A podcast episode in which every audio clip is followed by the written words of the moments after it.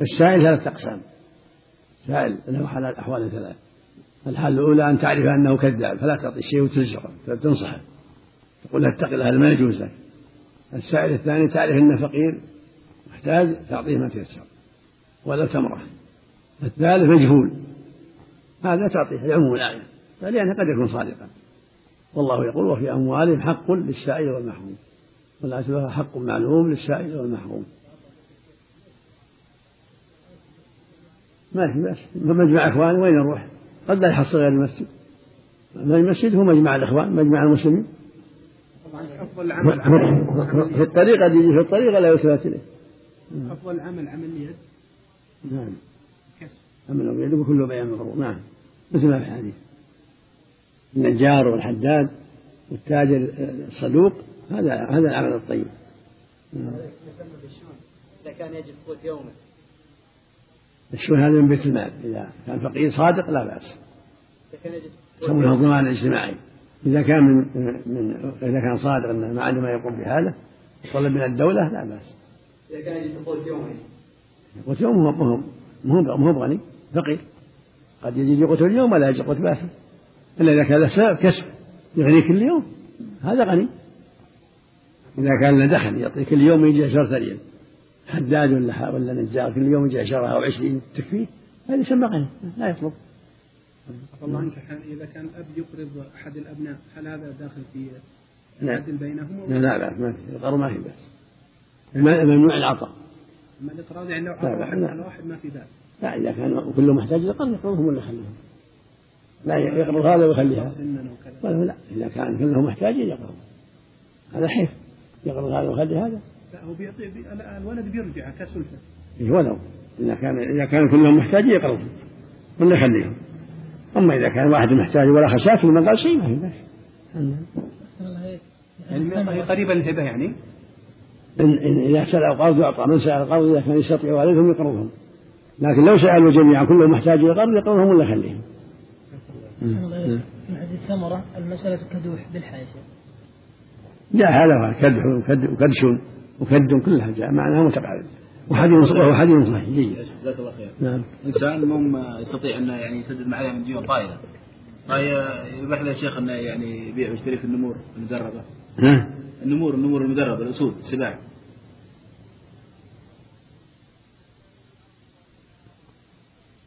والله ما يجوز لأنها تفترس وتضر أما الصقر والضبا الشيء المباح لا بأس المدرب النمور لا لا ما يصلح. ولا كلاب كلها حتى ما تباع. لأنها منكرة. حتى الكلب المعلم ما يباع. الرسول. فإذا كان نهى عن بيع الكلب بيع الذيب أشد وشد والنمر أشد وشد والأسد أشد. كلها سباع مهلكة نسأل الله العافية. لكن يبغى إذا السجر معلم صقر معلم لا بأس. ما جاء فيه نهي وندربها وباعها. لأن حجته يقول أنه ما يستطيع ديون طائلة فيبيعها. لا لا لا لا, لا يدربها ولا يبيعها. لا يقتلها. إذا تحصلها يقتلها كذلك الكلاب عفوا عن تعليمها الصيد ما حال الصيد لا بأس. أو الحرث أو الغنم. الصقر زيادة شيخ؟ نعم الصقر ما في ما في نحي لأنه ينفع ولا يضر. قال الحافظ ابن حجر رحمه الله تعالى باب قسم الصدقات. عن ابي سعيد الخدري رضي الله عنه قال قال رسول الله صلى الله عليه وسلم لا تحل الصدقة لغني إلا لخمسة لعامل عليها أو رجل اشتراها بماله أو غارم أو غاز في سبيل الله أو مسكين تصدق عليه منها فأهدى منها لغني. رواه أحمد وأبو داود وابن ماجه وصححه الحاكم وأعل بالإرسال. وعن عبيد الله بن عدي بن الخيار رضي الله عنه أن رجلين حدثاه أنهما أتيا رسول الله صلى الله عليه وسلم يسألانه من الصدقة فقلب فيه فيهما النظر فرآهما جلدين فقال إن شئتما أعطيتكما ولا حظ فيها لغني ولا لقوي مكتسب رواه أحمد وقواه أبو داود والنسائي. وعن قبيسة بن المخارق الهلالي رضي الله عنه قال قال رسول الله صلى الله عليه وسلم إن المسألة لا تحل إلا لأحد, لأحد ثلاثة. رجل تحمل حمالة فحلت له المسألة حتى يصيبها ثم يمسك. ورجل أصابته جائحة استاحت ماله فحلت له المسألة حتى يصيب قواما من عيش. ورجل أصابته فاقة حتى يقوم ثلاثة من ذوي الحجى من قومه. لقد أصابت فلانا فاقة فحلت له المسألة حتى يصيب قواما من عيش.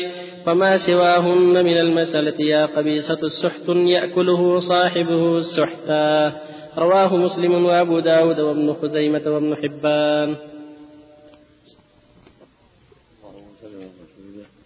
وعلى آله وأصحابه من اهتدى بهدى أما بعد هذه الأحاديث ما يتعلق قسم الصدقات يعني الزكوات. تقدمت صدقة التطوع تقدمت الأحاديث. فيها وهذا الباب فيما يتعلق قسم صدقات الفريضة الزكاة. الحديث الأول يقول صلى الله عليه وسلم إن الصدقة يعني الزكاة لا تحل لغني إلا لخمسة. رجل اشتراها بماله ولو أنه غني اشتراها من الفقير في حلال له. إنسان غني والفقير عنده غنم جاية زكاة أو ناقة جاية زكاة أو تمر جاء زكاة وباعه لا بأس يشتري الغني. اشتراه بماله من الفقير. أو لعام عليها. العمال يعطون من الزكاة عن تعبهم كما قال جل وعلا إنما الصدقات الفقراء والعاملين عليها. أو غاز في سبيل الله. لقوله تعالى وفي سبيل الله الغزاة يعطون من الزكاة يتقوون على الجهاد. أو غارم مدين قوله تعالى الرقاب والغارمين مدين العاجز يعطى من الزكاة سواء كانت غرامته لإصلاح ذات البين أو لحاجات نفسه وحاجات عياله إذا كان فقير ما يستطيع يعطى من الزكاة ما يسد به الغرامة الدين. الخامس مسكين تصدق عليه منها. فقير يعطي من الزكاة. فهدى منها لغني. زيد فقير وأعطى قاربه من منها. وهم أغنياء. أو ألزمهم يأكلوا عنده. فلا بأس. بلغت محلها. إذا بلغت محلها إذا جاء الضيوف وكلوا منها ما في. ولا هم أغنياء. حتى صاحب الزكاة. لو جاء وسارة قدم له قدوع من تمره فلا بأس. لأنها بلغت محلها. صارت من ماله. فالمسكين إذا أخذ الزكاة صارت من ماله. فلو زاره صاحب الزكاة وكل من تمرة أو من غيره من الزكاة لا بأس. أو أهدى منها لأقاربه الأغنياء أو جيرانه فلا بأس لأنها بلغت محلها. الثاني حديث عبيد الله بن علي بن خيار وثقة أن الرجل أتى النبي صلى الله عليه وسلم يسألان من الصدقة يشحذان من الصدقة فقلب فيهما النظر يعني قلب بصره فيهما. فرآهما جلدين رآهما قويين يستطيعان العمل. فقال لهما إن شئتما أعطيتكما ولا حظ فيها لغني ولا لقوي متسم إذا كنتم فقراء ولا ليس لكما كسب أعطيتهما. يعني وكان الأمر إليهما لأنه يجهل حالهما. فإذا جاء إنسان ظاهره قوة يقال له ترى الصدقة ما تحل إذا كنت تستطيع الكسب وعندك كسب. أو عندك مال ما ما تعطى. فإذا قال لا أنا ما عندي شيء. أو ما وجدت كسب ما حصلت عمل وأنا فقير يعطى. على ذمته. المقصود إذا كان إنسان مجهول يقول أنا ما عندي ما عندي فقير ما عندي شيء ولو أنه قوي. أنا ما ما حصلت شيء. ما حصلت عمل أو ما عندي عمل أو ما أجد شيء يعطى. يوكل إلى دينه وذمته. ولهذا قال صلى الله عليه وسلم إن شئتما أعطيتهما. ولا حظ يعني مع العلم بأنه لا حظ فيها لغني إن كنتم أغنياء ولا لقوي مكتسب. ثم قوي ما عنده كسب يعطى لأن بعض بعض المرات يكون قوي لكن ما يجد عمل ما يحصل عمل. يبقى مدة ما حصل عمل وهو محتاج يعطى. صدق.